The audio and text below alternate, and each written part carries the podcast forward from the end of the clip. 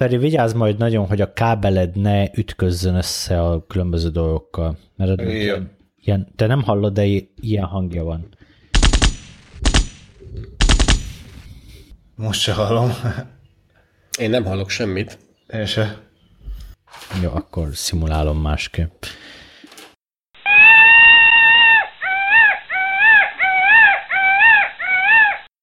Csaba képzelődsz.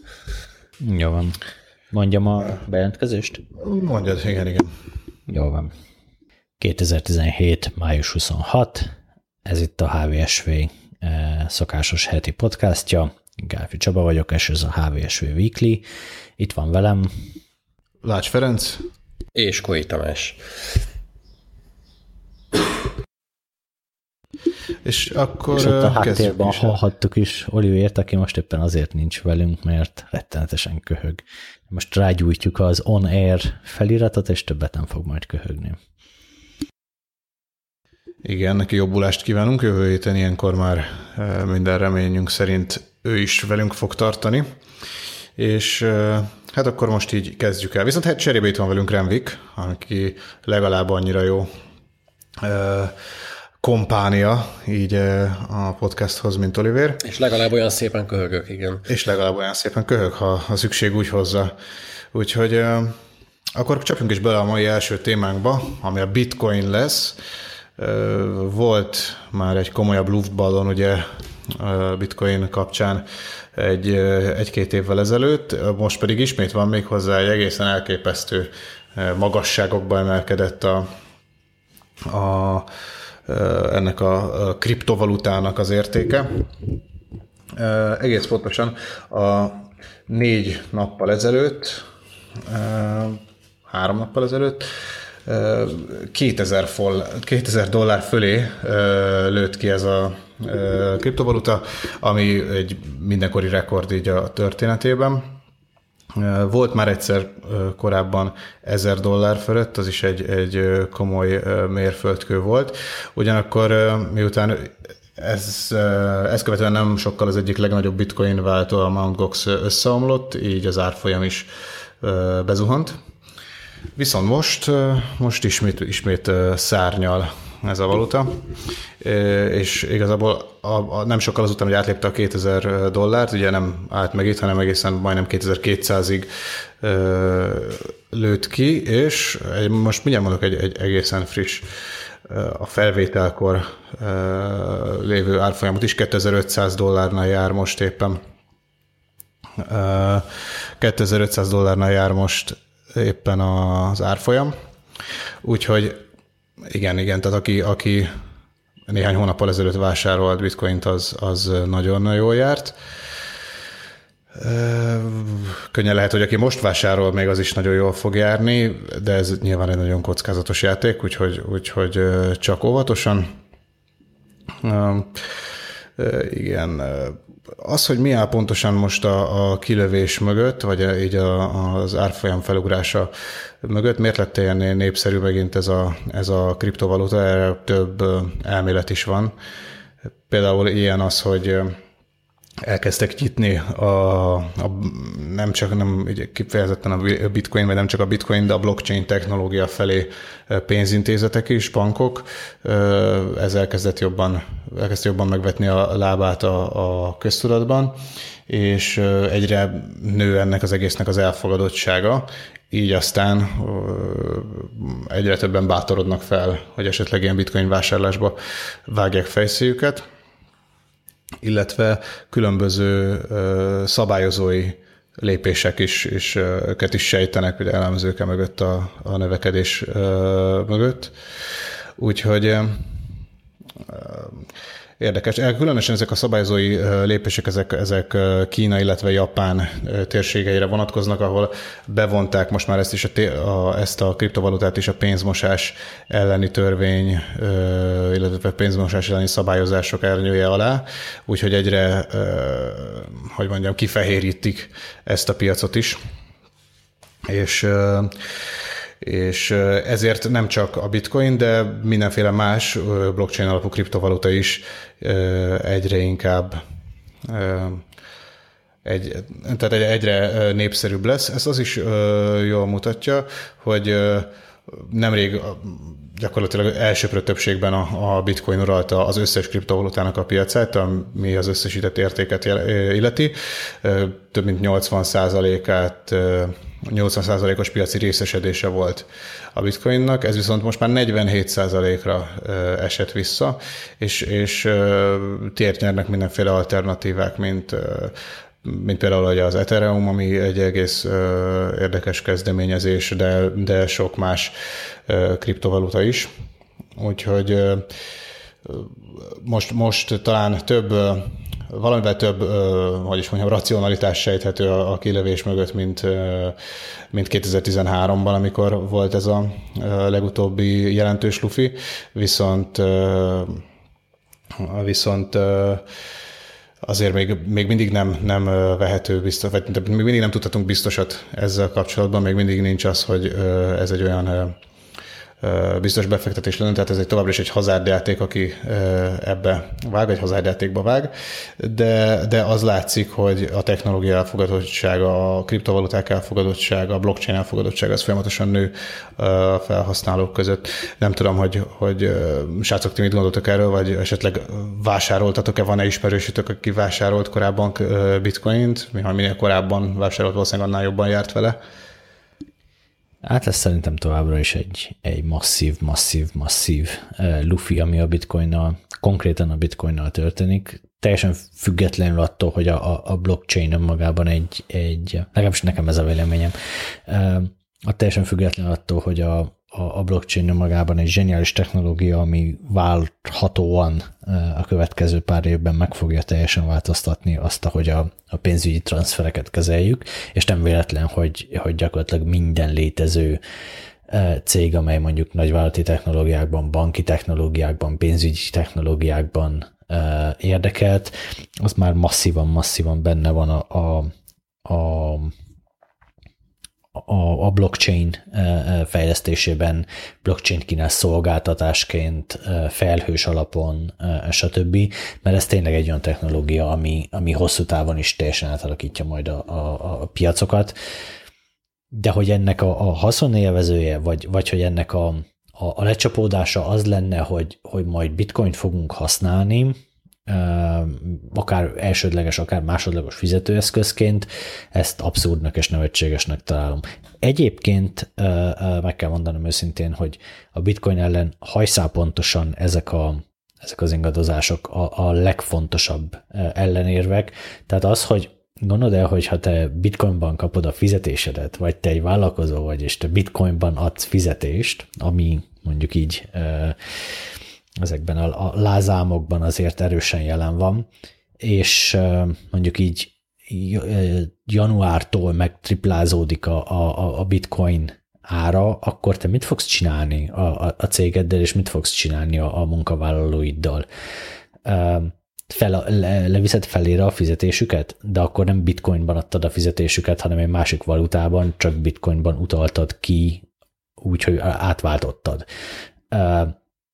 megtartod a fizetésüket bitcoinban, és adott esetben csődbe mész. Tehát, hogy, hogy és hogyha te valamit eladsz, és bitcoinban írod, írtad ki az árát, akkor, akkor mit fogsz csinálni, amikor így megszalad a, az árfolyam? Tehát egy normális valutánál az, hogy adnak a valutának a, a, az árfolyama stabil legyen, és az mindegy, hogy mondjuk csúszva értéktelenedik, vagy csúszva értékesebbé válik, addig, amíg van egy, egy középtávú stabilitás benne, amit a piacok be tudnak árazni, addig az tud működni, és el tudja látni a, a pénznek az alapvető funkcióit. Erre jelen pillanatban a bitcoin teljességgel alkalmatlan, pontosan azért egyébként, ami a, a, a legnagyobb e, értéke sokak szemében, hogy nincsen itt egy központi e, irányítószerv, aki, aki megszabjon mondjuk e, árfolyamsávokat, és így megy 2700 százalékot felfele. Tehát, vagy az elmúlt hat hónapban 225 százalékot ment, ugye? Tehát ez, ez, ez normális esetben ez egy nemzetgazdaságot tönkre tenne egy ilyen ingadozás. Ez, és ez gyakorlatilag pont ez a legjobb érve az ellen, hogy a bitcoin mint pénz az miért teljesen alkalmatlan arra, amit amire a hívők szeretnék bevetni. Igen, ebben egyébként én is egyetértek. Az az aspektusa lehet inkább vonzó, vagy, vagy ami mondjuk egy, egy tehát mondjuk, ha azt a szenáriót nézzük, amit, amit mondtál az előbb, hogy bitcoinba adja valaki a fizetését, de, de kevesebbet ad mondjuk az árfolyam ingadozásnak megfelelően, tehát valójában mondjuk dollárba, vagy a dollár egy adott mennyiségű dollárt ad fizetésnek, csak éppen az akkor bitcoinra konvertálva. Itt az az egy előnye lehet ennek a megoldásnak, hogy, hogy, hogy azt az anonimitást meg tudja őrizni vele, amit, amit ugye a bitcoin kínál meg ezek a technológiák. Persze Valóban nyilván itt nem a bitcoin... 100 dolláros a kézbe nyomva, szerintem annak az anonimitását semmi nem übereli. Micsoda, hát még egyszer? Néhány száz dolláros a kézbe nyomva. Tehát, hogy az, ja, az a maximum ez, anonimitás, ez, ez, és igen, hát- az nincsen blockchain, nincsen ledger, nincsen semmi. A következő tranzakcióidat nem lehet visszakövetni, ahogy ugye a bitcoin esetében vissza lehet.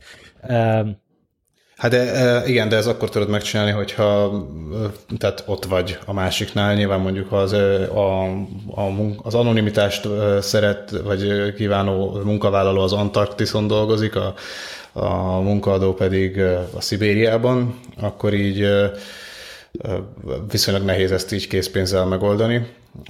De most nyilván erre nem feltétlenül a, a bitcoin a megoldás, hanem ahogy te is mondtad, a, a blockchain alapú technológiák, esetleg valamilyen olyan kriptovaluta lehet, ami, ami hasonló technológiára épül, mégis valamilyen szinten azért szabályok közé fogva, mert gyakorlatilag ez, ez a mostani formájában a bitcoin, és ahogy ez, ez történik is, ez, ez mindenféle, gyakorlatilag egy hazárdjáték, vagy vagy rosszabb esetben egy, egy spekuláns játék, amivel, amivel egyesek nagyon-nagyon sokat tudnak nyerni, szerencsétlenebbek nagyon sokat tudnak veszíteni. De ez semmi baj nincsenek, akkor meg tegyük hozzá, hogy ez alapvetően egy, egy spekuláns játék, ők rettenetesen jól szórakoznak, fogadásokat kötnek ugye egymás ellen, pozíciókat vesznek fel, harcolnak, Pontosan. sortolnak, stb. Ez egy nagyon szórakoztató dolog, de akkor ne kezdjük ennek az okait keresni makrogazdasági adatokban, vagy, vagy bármi másban. Ez, ez és ugye az a vicces, hogy ez alapvetően egy zéró összegű játék, tehát amit itt valaki megnyer a bitcoinon, azt valaki el, annak el kell veszítenie. Ez egy érdekes kérdés lesz, hogy, hogy kinél lesz az utolsó forró hot potato, forró burgonya, aki majd nem tudja tovább dobni senkinek, és akkor ő fogja megégetni magát vele. Addig, amíg mindenki tovább tudja adni, addig mindenki csak nyer rajta. Az utolsó, aki majd nem tudja tovább adni, neki lesz majd rossz. Hát akkor ezzel a ezzel a baljós felvetéssel zárhatjuk szerintem a mai első témánkat, és mehetünk tovább a másodikra, méghozzá az okostelefon platformoknak a helyzetére, ami ugye most már eddig, eddig is sem volt egy, egy nagyon nagy titok, vagy rejtély, hogy, hogy gyakorlatilag két szereplősre nőtt, vagy zsúrorodott nézőpont kérdés ez a piac. A, most viszont már ugye a Gartner legutóbbi elemzése szerint, illetve kiadott statisztikáiban el is tűntek az egyéb szereplők, és csak, csak ez, ez, pontosabban csak ez az egyéb kategóriám alatt nem különbözteti meg már az elemző cég sem az olyan platformokat, ami még a legutóbbi jelentésben ott volt külön, hogy például Microsoft, illetve BlackBerry. Talán olyan szempontból ez utóbbinak kisebb veszteség, hogy a BlackBerry ugye nem, nem eltűnt, hanem, hanem átalakult, és, és a platformok tekintetében most már az Android-dal megy tovább, illetve Android-dal jönnek ki az új készülékek. A Microsoftnál viszont látszik, hogy, hogy lényegében ez eltűnik, a, eltűnnek a Windowsos telefonok a piacról. Az Android és az iOS viszont, viszont elképesztően hasít, és különösen, különösen az Android, ennek értelemszerűen a, a, a legdurvább mozgatórugói azok a feltörekvő piacok, ahol, ahol a legol, tehát ilyen kifejezetten olcsó, nagy számban értékesített telefonok nagyon-nagyon meghajtják az Android számait, és fontos még azt is kiemelni, hogy, hogy ennél a Gartner-es elemzésnél beleszámolják azokat a, a telefonokat is, amelyek a nyílt forrású ugye Android kódrat, az AOS-ra építenek, de a Google-nek nem vesznek részt az ökoszisztémájában, tehát nincs rajtuk Play Store, hanem meg Google szolgáltatások, hanem helyette van az adott valamilyen gyártónak egy saját alkalmazásboltja, Úgyhogy belőlük rengeteg van Kínában, de már ebben a régióban is egyre inkább, egyre inkább megveti a lábát a Google, tehát most már ott sincs ez az ex, ez a ex, exkluzivitás, vagy pontosabban a, a Play Store tiltása, tehát beengedte már Kína a Google-t azért a régióba, úgyhogy elképesztően gyarapodni tud ez a platform. Most 80 6,1 százalékos piaci részesedést tudhat magáénak, a maradék pedig az iOS-é gyakorlatilag. A, az egyéb, tehát az összes, összes többi platformnak már gyakorlatilag ilyen, ilyen alig látható, elenyésző részesedése van, ebbe tartozik ugye még a, maradék BlackBerry készülékek, mármint a BlackBerry saját rendszerével szállított készülékek, Microsoft Bada 10 meg hasonlók. Utóbbinak egyébként ugye az okos telefonpiacon, ha nincs is annyira relevanciája, az okos óráknál van, de most ez nyilván ebben a Ebben a kutatásban ez nem szerepel, de azt ne felejtjük el, hogy a Samsungnak a, a, az okosórai, az, a, legalábbis a csúcs Gear széria, az, az 10-nel fut, tehát hogy nem Android Wear vagy hasonló, hanem, hanem az egy 10-es készülék, és, és most leginkább ugye erre hegyezte ki ezt a, a vagy itt hasznosítja ezt a rendszert a Samsung.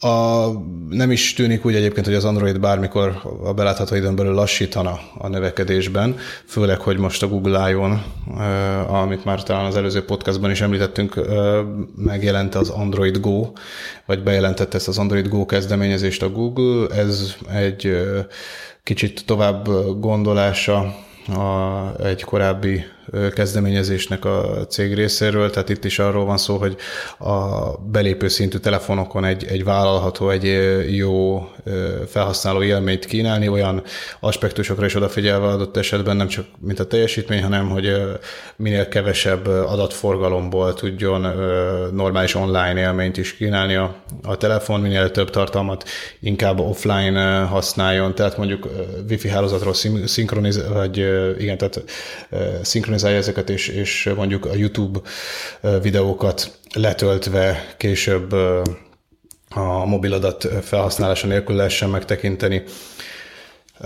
Amiután ez a kezdeményezés is, is most elrajtolt, ez, ez további növekedést jelenthet majd a platform számára, úgyhogy nincs megállás, folyamatosan növekszik az Android részesedése, illetve hát azért látjuk, hogy mondjuk az utóbbi három évben lassan ez a, ez a növekedés lassul, de, de ott van, ami inkább még, még meglepő, vagy, vagy ilyen nagyon érdekes, hogy a, erre Csaba mutatott rá, amikor így ezeket a kis grafikonokat nézegettük, hogy az iOS-nek a részesedése az lényegében azóta tehát már akkor ennyi volt, amikor még a, a Symbiant releváns platformnak mondhattuk, és azóta ugye az új bejelentések meg a, a leülepedés közötti fűrészfogazással lényegében ugyanezen a 13% körüli szinten stagnál, ami, ami egy egészen érdekes megfigyelés, mint hogy, hogy lényegében 2000, pont itt van előttem ez a táblázat, 2011 óta, akkor ugye volt még egy, egy kis kilövés ilyen 20% fölé, és, és aztán ez a 12-20 közötti fűrészfogazás, ez, ez évről évre stabilan megfigyelhető. Úgyhogy ez, ez, még egy, ez még egy egészen érdekes tanulság egy a platformokból, tehát az iOS kőkeményen megvetette a lábát ezen a szinten, gyakorlatilag itt, itt, itt így horgonyt vetett, Android az, az pedig hát növekszik egyre komótosabban, látszik, hogy nem az iOS-nek a kárára, hanem, hanem minden, mindenki más még megmaradt szereplőnek a kárára, aztán amikor már teljesen felélte ezt a, a kategóriát, és, és már az egyéb telefonokat nem is érdemes, tehát ilyen egyéb kategóriaként sem lesz érdemes beszélni róla, akkor, akkor feszül majd egymásnak ez a két platform igazán. És hát uh, most vagyunk itt, ugye? Tehát akkor uh, csökken az Android részesedése, amikor kijön az új iPhone, majd a következő három negyed évben az iOS zsugorodik, majd jön az új iPhone, és akkor így um, gyakorlatilag követik az éves ritmust. Az Egy ilyen komplementer fűrészelés gyakorlatilag. Hát ha a kettő összege száz, akkor nyilván, hogyha... muszáj neki annak lenni. akkor muszáj komplementernek lenni, így van. Figyeljetek, és most ilyen kávéházi elemzés szintjére víve a beszélgetést, ti láttok arra esélyt, hogy ezt a hegemóniát a jövőben bárki bármilyen formában képes lesz megtörni, mert ugye próbálkozások az elmúlt években azért voltak, és mindegyik zátonyra futott eddig. Hogy ez most már így őkre így fog maradni, hogy, hogy, hogy semmi nem fogja az Androidot megdönteni, semmi nem fogja az iOS-t megdönteni? Mondok egy egyszerű példát, nézd meg, hogy mi történik a PC-knél és a Windows-zal. Pontosan ez a, a rendszer van most már az okostelefonoknál is, az Android, az új Windows és a, a Google, az új Microsoft. A párhuzamam egyébként odáig folytatható, hogy a, Google is ugye ezt a platformot pontosan úgy, vagy ezzel a platform dominanciával pontosan úgy, hanem még durvábban él vissza, mint a Microsoft a legrosszabb időszakában, tehát uh, ugyanúgy hozzácsomagolja a böngészőt, mint annak idején a, a, Microsoft az Internet Explorer-t, ugyanúgy hozzácsomagolja ugye a, a saját alkalmazásboltját, hozzácsomagolja a keresőjét, hozzácsomagol ezer és egy olyan alkalmazást, aminek semmi köze amúgy az operációs rendszerhez, és ezeknek kötelező módon lapértelmezetteknek kell lenniük a telefonon, és ahogy annak idején a Microsoftot, úgy jó eséllyel ezért a Google-t is el fogják kapni a, a, az illetékes szervek, és nekik is majd be kell fizetni jelentős összegeket bizonyos illetékes szervek kasszájába. Sajnos ez nem, nem tud elég gyorsan megtörténni, mert, mert a Google-nek ez a dominanciája rettenetesen rombolja jelenleg a piacot, és sajnos amire ezek a folyamatok végig mennek, az meg egy pár év, és annyi idő alatt meg, meg így gyakorlatilag totális, totális uralmat tud kiépíteni a Google. De amúgy igen, tehát hogyha arra vagy kíváncsi, hogy, hogy meg fogja törni valaki az Android dominanciáját, akkor, akkor így csak a Windows-ra mutogathatok. Hamarabb lesz releváns valami, ami az okostelefon után következik, mint az okostelefonon valami letaszítsa az Androidot. Hát, vagy inkább tegyük fel úgy a kérdés, hogy, hogy letaszítja-e valami a Google-t, mert az Androidot lehet, hogy épp a Google fogja letaszítani, hiszen tudjuk, hogy van nekik ez a Fuxia nevű saját már új, nem, nem nem, egy, nem a Linux kernelre, hanem egy, egy abszolút saját tervezésű, magra építő rendszerük, vagy egy teljesen újra gondolt ilyen, mondjuk annyira az első screenshotok alapján nem újra gondolt, de, de alapjaiban azért átépített okostelefonos rendszerük, amivel így kísérletezget a cég, meg most már így, így lehet látni ezt, hogy hogy fog kinézni. Igen.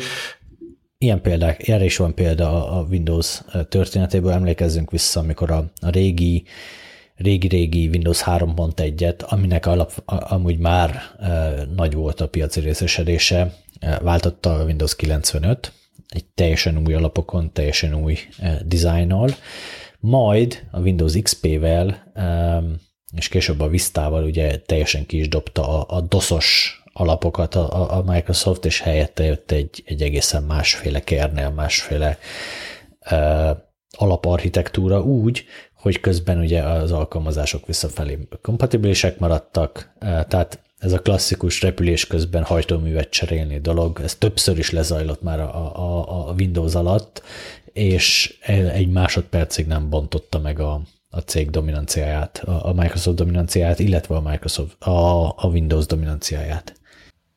Egy dolgot egyébként még, ha már itt tartunk, még muszáj mondanom. A, a Windows annyira erős, hogy még a Microsoft sem tudja legyőzni. Ugye a cég most már évek óta próbálja az új alternatív platformja, az most már UVP néven futó platform felé terelni a fejlesztőket, és így egyszerűen nem megy. Hiába, hiába szól minden erről a platformról, akár a Microsoft fejlesztői konferenciáján, akár bármiben, amit a Microsoft mond, erről szól a Windows 10, erről szól tucatnyi kezdeményezése a cégnek, és egyszerűen alig látható a piacon ez a platform. Windows 10-es gépen ma se futnak az emberek UWP-s alkalmazást, két éve itt van a, a, a rendszer gyakorlatilag. Annyira erős a régi Win32, hogy már a Microsoft maga sem tudja legyőzni. És ez egyébként e, hasonló történetek játszódnak majd le az Androiddal is, tehát hogy ezt a jelvás platformot, amit most a Google felépített, ezt hihetetlenül nehéz lesz lebontani. Ez évtizedekig velünk fog élni ebben a formájában. És akkor nézzük, hogy a Thunderbolt meddig lesz velünk, mert ahogy tudjuk, most már az Intel elérhetővé tette a Thunderbolt 3-nak a specifikációit a, az iparák számra, illetve már nincs többé licencdíj ennek az implementációjáért. Hogy néz ki pontosan ez a történet, Csaba? Mit, mire számíthatunk ezen a területen? A Thunderbolt 3-at ugye neked pont két éve mutatta be az Intel, és e, e, már ez is ugye már a harmadik generáció. Ez gyakorlatilag egy olyan alternatíva akart lenni, és ma is az akar lenni az USB-hez viszonyítva, amely gyorsabb, többet tud, és pontosan emiatt valamivel drágább is. A drágasága abból adódik, hogy egyrészt ez egy Intel technológia, tehát kizárólag az Intel tud olyan vezérlő csipet készíteni, ami beépíthető az eszközökbe, akár a PC-be, akár a perifériába, és tudja ezt a Thunderbolt protokollt. Másrészt ez a vezérlőcsip ugye pénzbe kerül, eredetileg ilyen 25 dolláros árról indult, ma már ilyen 8 dollárba kerül egy ilyen listáron, ennyibe kerül ez a chip, amihez még nyilván rengeteg minden hozzájön, tehát ennek az elektronikai implementációja, erre firmware-t fejleszteni, stb. Tehát akkor, amikor egy PC gyártó vagy egy periféria gyártó azt mondja, hogy most nem USB portot teszek erre a gépre, hanem egy Thunderbolt portot, annak azért elég meredek költségei vannak. Az Intel döntése most abban hoz újdonságot, hogy a cég kinyitotta ezt a szabványt, ugye ez egy, egy szabványon alapuló protokoll, és azt mondta, hogy ezt a protokollt támogató vezérlő csipet mostantól bárki fejleszthet. Ha az AMD akar, ha a Broadcom, ha a Marvel, Atmedia, egy millió ilyen pici vagy nagy chipgyártó van a piacon, addig, amíg ezt a protokollt támogatja, és mondjuk átmegy ezeken a, a validációs vizsgálatokon, tehát valószínűleg ezt a, az Intel be fogja vizsgálni, és csak az hordhatja majd a Thunderbolt címkét, ami át is megy ezen a validáción, de hogyha átmegy a validáción, akkor itt teljesen ingyenesen, tehát nem kell ezért licencdíjat fizetni a, az Intel felé, piacra lehet dobni ezt a csipet, bele lehet azt építeni PC-kbe, perifériákba, telefonokba, amiben csak akarják, és akkor onnantól fogva ez, ez egy valid versenytársa lesz az USB-nek. Itt az ingyenesség egy nagyon érdekes dolog. Emlékezzünk vissza, hogy még annak idején egy másik platform, szabadalom nem is szabadalomcsata, hanem inkább ilyen platformcsata, vagy, vagy szabványcsata, mondjuk a HD DVD és a, a Blu-ray között, akkor ott azon ment ugye a meccs, hogy kinek ki tudja megnyerni ezt a csatát, mert aki megnyeri, azért lesz a sok-sok licencdíj, hiszen minden egyes lemez, minden egyes olvasó, minden egyes optikai író után azokat a cégeket, akik támogatták a, a szabványt, ők licencdíjat szereznek. Ez azt jelenti, hogy ha veszel egy Blu-ray videót ma, akkor adnak azután a, a, a Sony, ugye aki a, a protokollt gyakorlatilag feltalálta, vagy, vagy piacra vitte, ő azután kap egy, egy amúgy nem elhanyagolható összeget. Amire vissza akartam ezt az egészet vezetni, hogy most erről a licencdíjról mondott le az Intel, annak érdekében, hogy, hogy valahogy ezt a, ezt a csatlakozót felfuttassa.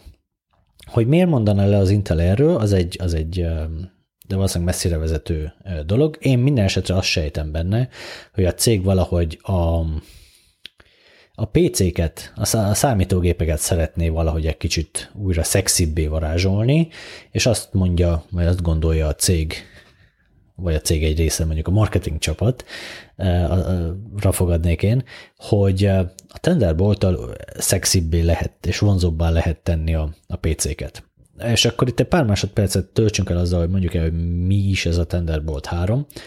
Ez gyakorlatilag papíron egy 40 gigabites digitális csatlakozó, ami a gyakorlatban viszont PCI Express csatornákat vezet ki, három darab 3.0-asat, ha jól emlékszem, de ne kövezzetek meg, hogyha nem pontosan mondtam. És az a lényeg, hogy erre egyrészt bármit ráakaszthatunk, ami PCI Express um, csatornákat használt, akár egy külső videokártyát is, ami ugye egy, egy, egy szent grál a, a könnyű, vékony laptopok mellé, mikor hazaérünk és játszani szeretnénk a gépen, akkor hozzácsatlakoztatjuk ezt a nagy, nehéz és vérszomjas, legalábbis áramszomjas videokártyát, és akkor ugyanazon a gépen, ugyanúgy saját környezetünkben mondjuk egy nagy monitorra csatlakoztatva tudunk játszani is, anélkül, hogy ezt a GPU-t mindig magunkkal kellene hurcolni a gépben. De ezen kívül, hogy, hogy PCI Express-t vezet ki, ezen kívül ebbe beépítve DisplayPort szabvány is van, át tud adni 100 wattot, és támogatja többek között például ugye a, az USB szabványt is. És mindezt egyetlen egy csatlakozóban. Ez azt jelenti, hogy rákaszthatunk egy monitort úgy, hogy a monitor ezen keresztül megkapja a videójelet is, és a működéséhez szükséges feszültséget is. Rákaszthatunk ugye töltőt, de úgy, hogy minden irányba, tehát a gép meg tudja hajtani a monitort, de a másik oldalon meg ugyanilyen csatlakozón veszi fel az áramot a falról ráköthetünk egyszerre akár két darab 4K-s kijelzőt, stb. stb. A lényeget szerintem mindenki megértett, ez egy gyakorlatilag tényleg univerzális csatlakozó, még az USB-nél is, amiben az U az univerzális, még annál is univerzálisabb, és gyakorlatilag szuper képességekkel rendelkezik ahhoz képest, hogy, hogy a többi csatlakozónk mit tud. Zárójelben itt van még egy másik aspektusa ennek, bár ez nem az Intel bejelentéséhez kapcsolódik. Ugye amikor ránézzünk egy gépre, egy modernebb gépre, és látjuk az USB-C csatlakozót, akkor nem tudjuk, hogy amögött igazából mi van. Ugye lehet egy sima USB vezérlő, ami mondjuk lehet USB 2-es, USB 3.1, Gen 1 vagy Gen 2 különböző sebességekkel, de lehet az a csatlakozó, egy Thunderbolt csatlakozó is, amin az USB-n kívül akkor kijön a videójel. Az a sima USB-ből nem jön ki a videójel, úgyhogy eh, ez rengeteg embernek roppant megtévesztő lesz majd eh, roppant gyorsan, hogy ott van egy USB-C csatlakozó, az ugye csak a, a, a C az pusztán a fizikai csatlakozót jelenti, ott van az USB-C csatlakozó, de mi az a vezérlő, ami mögötte van, és milyen jelet tud az kiadni, milyen feszültséget tud az kiadni. És ezt, ezt már láttuk néhányszor, hogy az emberek így nem igazán értik, hogy, hogy milyen kábelt lehet oda bedugni. Ugye vannak ezek a modern telefonok, USB-C csatlakozó van az alján, de abból nem jön ki a videójel egy sima USB kábelen keresztül, mert nincsen benne Thunderbolt, csak sima USB. Úgyhogy ez, ez nyilván rengeteg problémát jelent majd az egységsugarú felhasználónak, hogy egyáltalán értelmezze, hogy a kis ovális csatlakozó mögött ugyanbiz a mire illik, és mi az, amit rá lehet kötni, és mi az, amit nem. Mert elég furán néz ki, amikor ráköti a, a kijelzőt, a kijelző kap róla áramot, mert azt viszont az USB is tudja, hogy, hogy átadja az áramot, de videójelet meg nem, mert azt az USB csatlakozó nem tudja. Szóval um, itt még nagyon hosszú lesz szerintem az út, amíg, amíg eljutunk ennek a, a, a szabványnak a, az univerzális válásához, de az biztos, hogyha minden csatlakozó mögött USB 3-as vezérlő lesz, akkor ez így egy csapással leegyszerűsödik, és azt mondjuk, hogy Thunderbolt, és akkor, akkor megvan oldva minden. És akkor ezzel át is térhetünk a mai utolsó témánkra, amelynek Remvik lesz majd a szakértője. Benne egyébként az a különleges, hogy nem csak a podcastban hallhattátok a hangját, de hát hogy most ott hallhatjátok, de ez a, ugyanez a hang hasított már LTN keresztül is. A voice-over LTV-s tapasztalatokról fog nekünk mesélni most. Bizony, bizony, fantasztikusan csengő hangomat meghallhatták a vonal túlsó végén szinte teljes pompájában, amikor volt a hívás, híváson keresztül hívtam fel a Telekom egyik PRS-ét, és elcsevettünk egy kicsit arról, hogy valójában mi is ez a technológia, és milyen előnyöket szolgál, vagy milyen előnyökkel jár a fogyasztók számára, az előfizetők számára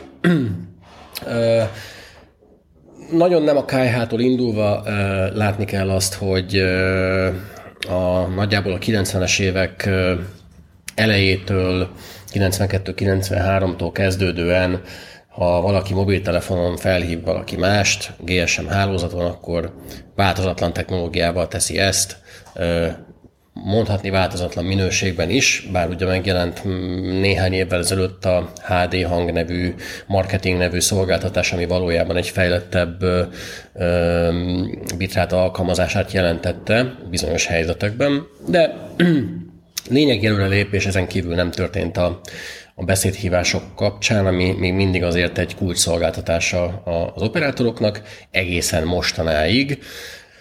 Amikor is ugye belső tesztet követően a Magyar Telekom elindította a, a 4G hangnak nevezett szolgáltatását, ami nem más gyakorlatilag, mint a Voice over LTE, vagyis volt-e technológia kereskedelmi bevezetése.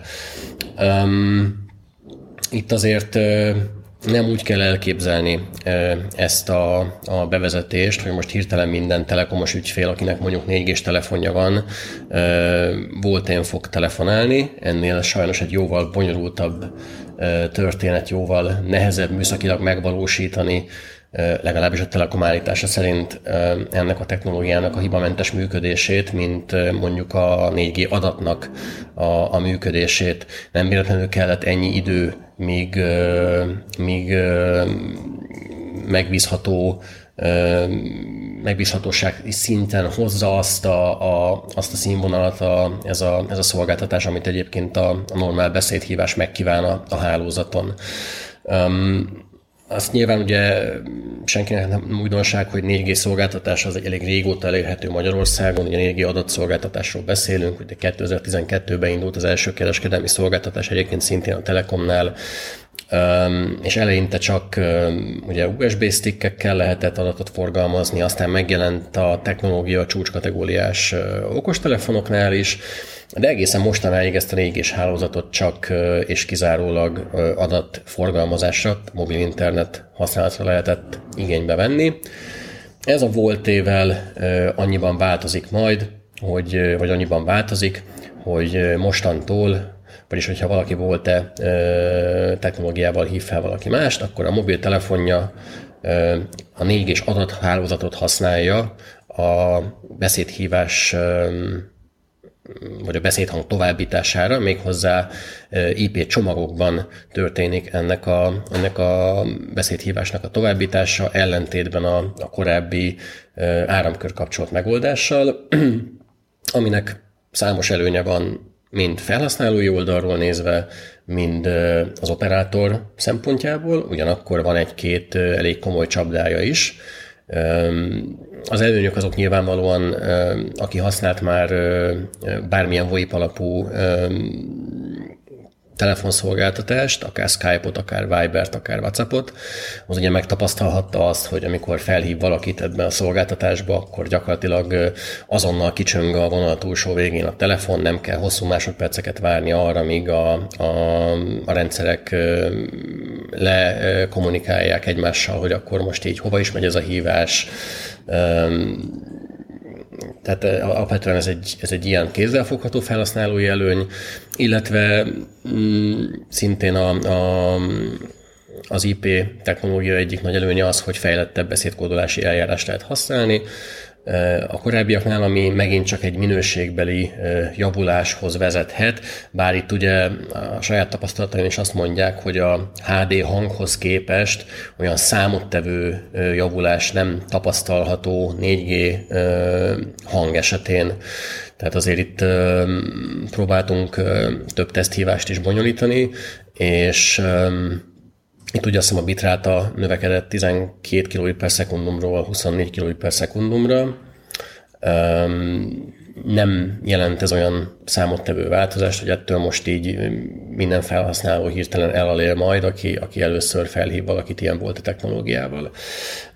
Mit érdemes még tudni róla? A voltéről tudni kell még, hogy ahhoz, hogy az előnyei legalább részben megmutatkozzanak, nem szükséges feltétlenül az, vagy nem feltétel az, hogy a vonal mindkét végén volt-e képes készülék legyen, és volt-e hálózatra vagy, vagy 4G hálózatra csatlakozó készülék legyen.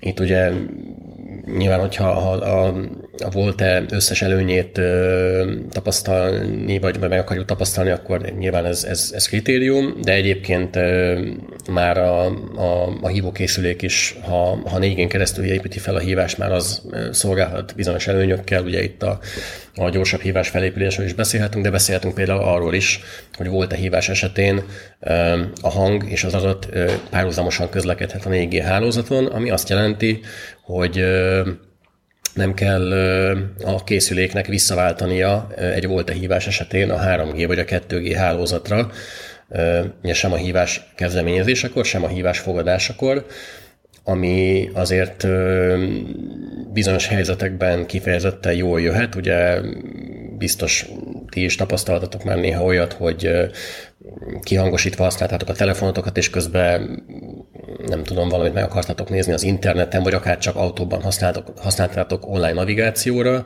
és ugye ilyen esetben, hogyha visszavált a készülék 2G hálózatra, akkor, akkor ott a pár kilobit per szekundummal csordogáló adatok bizony, bizony eléggé lelassíthatják a, a, az internet elérés sebességét, vagy az internetezést magát.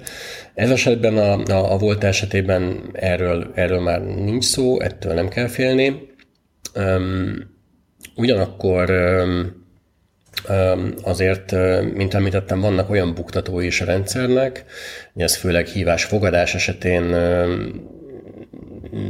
következhet be, illetve voltak olyan buktatói még korábban a rendszernek, hogy ha nem sikerül megfelelően lekommunikálni a, a klienseknek egymással a hívás paramétereket, akkor ugye timeoutra futhat a hívás,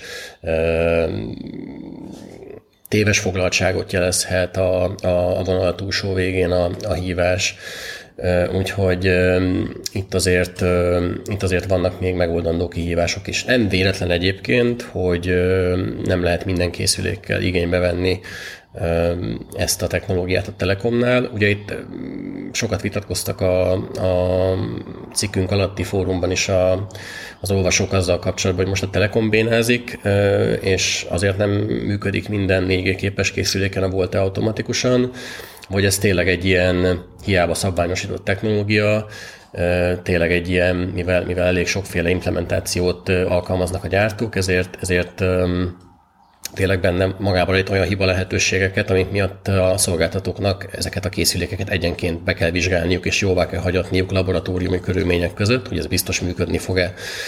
Um, Őszintén szóval én nem tudom, melyik oldalnak higgyek, vagy, vagy, vagy hogy tehát nem látok bele sajnos ennyire a rendszerek működésébe, hogy, hogy egyértelműen kimerjen jelenteni azt, hogy, hogy itt valamit a Telekom óvatoskodik túl. Azt azért minden esetre látni kell, hogy ahogy a tévészolgáltatásnál is sokkal hamarabb észreveszed a hibát, egyszer csak elmegy a kép, és nincs szolgáltatáslám, vagy akadozik a kép. Ugye a mobil hangszolgáltatásnál is úgy vélem, hogy sokkal szembeötlőbb az, hogyha ha valami probléma van a hívással, akadozik a, a beszéd, zajos lesz hirtelen a beszéd, megszakad a hívás. Egy adatkapcsolatnál ezeket lehet, hogy észre se veszed, lehet, hogy fel se tűnik, ezek a kis apró kiesések. Beszédhívásnál ugye ez nem megengedett, ez, ez, ez, ez, ez a minőségű kritériumoknak nem felel meg, ezeket ki kell tesztelni, ezeket a hibákat ki kell javítani, és lehetséges, hogy ehhez a készülékgyártóknak a, a segítségét kell kérni, vagy velük közösen kell ezeket a, a, a hibákat megoldani. Nekem azért szokatlan ez a, ez a Szia, Oliver. Azért, azért zavaró ez a, azért furcsa nekem ez a minőséghez való mániákus ragaszkodás, ugye általában a magyar mobil szolgáltatóknál, mert egyébként egy millió egyszer fordul elő, hogy a szolgáltatás egyszer csak nem megy, a telefon eldobja a hálózatot, egyik szobából a másikba átsétálva eldobja a, a hívást, beszélgetés közben mondjuk egy rádióinterjú esetében hirtelen hallom, hogy, hogy olyan downgrade-eli a, a hívás minőséget, és brutálisan elkezd szakadozni. Tehát, hogy teljesen normálisak egyébként ezek a, a, a problémák, ez egy rádiós szolgáltatás, nem lehet százszázalékos bizonyossággal garantálni, és akárhonnan nézzük, és pontosan ezt a kifejezést utálják a, a szolgáltatók, ez ma is egy best effort szolgáltatás. Tehát, hogy pontosan annyit nyújt a, a cég, amennyi a csövön kifér, de annál többet nem tud, mert ez egy rádiós szolgáltatás 1 millió egy környezeti paraméterrel, és hogyha lemész a liftaknába, ahol 15 méter vasbetonon keresztül kellene telefonálni, akkor ott nem lesz jel még 800 MHz-en sem. Ezt osztom, ezt a véleményt teljes mértékben, de hogy egy ö, olvasónk is megjegyezte a, a cikk alatt, azért ö, itt, itt ez a probléma sokkal inkább arról szól, vagy ez a kérdés sokkal inkább arról szól, hogy, hogy a végén, amikor ugye problémák vannak, akkor kiviszi el a balhét. Itt ugye azt látni kell, hogy a mobil szolgáltatók hálózataiba bekerülhetnek olyan eszközök is, vagy olyan okostelefonok is, amelyek hát mondjuk úgy, hogy nem feltétlenül szabványos implementációkat használnak, vagy rossz megvalósításokat használnak. Itt most nem feltétlenül csak a, a, a kínai import készülékekre kell gondolni, de, de elsősorban nyilván ezeket érintik ezek a problémák. És hogyha, hogyha egy ilyen készülék használata során az ügyfél problémát észlel, akkor ki lesz az, aki az oda megy először az asztalt verni? Hát természetesen a mobil szolgáltató, mert hogy nem működik a hálózat, mert hogy nincs internet, mert hogy nem működik rendesen a beszédszolgáltatás, és hát nehogy már az én drága pénzén vásárolt készülékemmel legyen bármilyen probléma. Um, Hozzáteszem, ez nem azt jelenti, hogy minden mobiltelefon vagy okostelefon, amit egy mobil szolgáltatónál vásárolsz, az hibátlan. Bár azért az, az valószínűsíthető, hogy egy ilyen készüléket, amit bevesznek a portfólióba, az operátorok azért előzőleg kitesztelik, sőt, ugye itt ugye szóba kerülnek a, a szolgáltatói firmverek, vagy a szolgáltatói öm, öm, rendszerek, vagy, vagy, vagy, vagy frissítések, ami kapcsán ugye megint egy másik probléma lép képbe a, a, a biztonsági frissítések problémája, de ugye ez egy teljesen külön történet. Öm, ugye vannak a carrier upgrade is, a, az Apple ugye előszeretettel alkalmazza ezeket, de, de mondom még egyszer, tehát hogyha ha egy szolgáltatással probléma van, és, és ezért az ügyfél mondjuk panaszt tesz, akkor a legritkább esetben megy oda a mobilkészülék gyártójához, hogy figyelj öreg, megszakad a hívás, és, és csinálja valamit ebben a telefonnal, hanem, hanem első körben a, az operátorhoz megy oda. Gyanítom, hogy, hogy ennek köszönhető az, hogy nagyon óvatosak a Telekomnál első körben a, a, a bevezetést illetően, és nem küldik le minden készülékre azt az engedélyező stringet, ami, ami bekapcsolhatná a, a 4G hangot, vagy a Volte képességet ezeken a készülékeken. Hát akkor, hogyha egyéb meglátás nincs, akkor itt el is varnánk a mai podcastunkat. Köszönjük, hogy, hogy ismét velünk voltatok. Jövő héten ugyanitt, ugyanekkor találkozunk. Én Lács Ferenc voltam. Gáfi Csaba. Én meg a Pai Tamás. Sziasztok!